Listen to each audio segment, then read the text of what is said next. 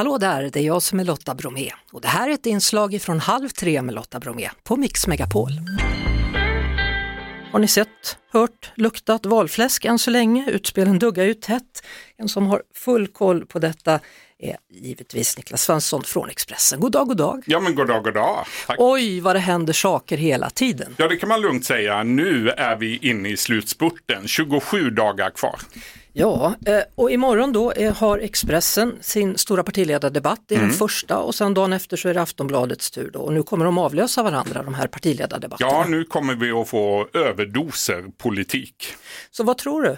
Vad har vi för frågor i år som kommer att bli stora i valrörelsen? Ja, men ett gäng frågor. Naturligtvis kriminaliteten som är så omdiskuterad och eh, man talar ju om en möjlig faktor X, alltså en händelse eller ett avslöjande eller någonting som, som kan bli det som avgör valet. Om det inte kommer någon sådan faktor X, då tror jag att kriminaliteten blir det som kommer eh, dominera fram till valdagen. Mm.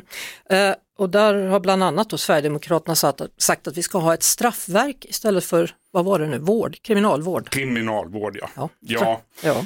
Vi får se hur det går med saker och ting. Det får vi göra. Jag tror inte att det blir en fråga som kommer att avgöra valet. Nej, men däremot SD och deras bakgrund verkar vara något som människor vill prata om. I alla fall politikerna. I alla fall deras politiska motståndare. Helt klart. Mm. Kommer det betyda något för väljarna tror du? Jag tror inte? inte det. Jag tror att väljarna eh, struntar rätt mycket i partiernas bakgrund och tycker att det mest är pajkastning.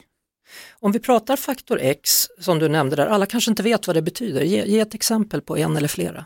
Ja, men det finns flera exempel i valrörelserna tidigare. Eh, Faktor X är en händelse som inträffar i slutskedet av en valrörelse som helt omkullkastar det som har hänt tidigare i valrörelsen. Mm. Eh, 2006 såg vi det när eh, Liberalerna avslöjades med att ha gjort ett dataintrång hos en socialdemokrat. Jag var själv inblandad på ett hörn där, finns det de som kanske minns. Eh, Resultatet av det blev att Liberalerna backade väldigt kraftigt den mm. sista veckan och blev mycket mindre än vad de annars skulle ha blivit. Precis, och sen så har vi Janne Josefsson då som här i programmet Halv tre faktiskt berättade om när han var i valstugorna och pratade mm. med en moderat som sa att det inte var han på bilden. Och det där fick stora konsekvenser för Moderaterna. Mm. Och så har vi järnrörsskandalen då som inte inträffade under en valrörelse men väl ett valår.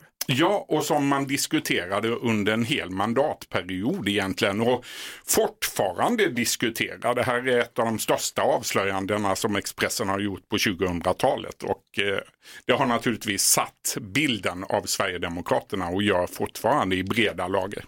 Inflationen, pengarna, maten, allt blir dyrare. Stor valfråga? Kan bli en stor valfråga, men jag har svårt att se konfliktytorna riktigt här. Eh, det finns inga snabba lösningar eh, eh, och det är så många olika faktorer som spelar in när elpriserna nu går upp. Det beror på kriget i Ukraina till stor del och Putins agerande. Det kan varken Ulf Kristersson eller Magdalena Andersson säga mycket om i valrörelsen. Så att eh, även om smörpaketet har blivit väldigt mycket dyrare och det oroar människor. Mm. Jag tror inte att det blir en valfråga som avgör. Invandringen, kan det bli någonting? Förmodligen inte. De allra flesta partierna är överens om att vi ska minska invandringen och det har de varit i flera år egentligen. Jag tror att vi återigen faller tillbaka på det där med kriminalitet. Hårdare straff, det vill mm. väljarna ha och därför vill också politikerna ha det. Ja, och det här med att reda ut vad som är vad, vad gäller regeringsalternativ, det är ingen idé att vi håller på med det nu. Ja, det är inte alldeles enkelt. det är inte det. Imorgon dyker i alla fall Johan Persson upp här i halv tre, då är det hans tur att bli utfrågad av oss här då på halv tre-redaktionen. Och apropå just Liberalerna då, dagens snackis på sociala medier, det handlar om en liberal man. Hörru. Ja, det gör det. Stockholms socialborgarråd Jan Jönsson, som eh, från början var grundskolelärare, sen blev han rektor i Botkyrka och nu så pryder han då Liberalernas valaffischer och eh, i morse så spreds en bild på baksidan av en buss där man ser valaffischen med Jan Jönsson. Mm. Och budskapet eh, att så här ser han ut, gängens värsta fiende. Mm, om man tänker sig då träslöjdsläraren från trean. Ja, lite så. Ja. I en somrig skjorta, mörk kavaj och glasögon som läraren har. Eh, nja, han har fått utstå rätt mycket hån på eh, sociala medier idag. Medan en del menar att absolut, Ja, det, är, partikamraterna sluter upp bakom honom. det var det. Vi hörs såklart igen på Mix Megapol varje eftermiddag vid halv tre. Ett poddtips från Podplay. I podden Något Kaiko garanterar östgötarna Brutti och jag, Davva, dig en stor dos skratt. Där följer jag pladask för köttätandet igen. Man är lite som en jävla vampyr. Man har fått lite blodsmak och då måste man ha mer.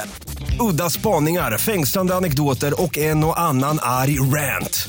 Jag måste ha mitt kaffe på morgonen för annars är jag ingen trevlig människa. Då är du ingen trevlig människa, punkt. Något Kaiko, hör du på Podplay. Därför är gardinerna.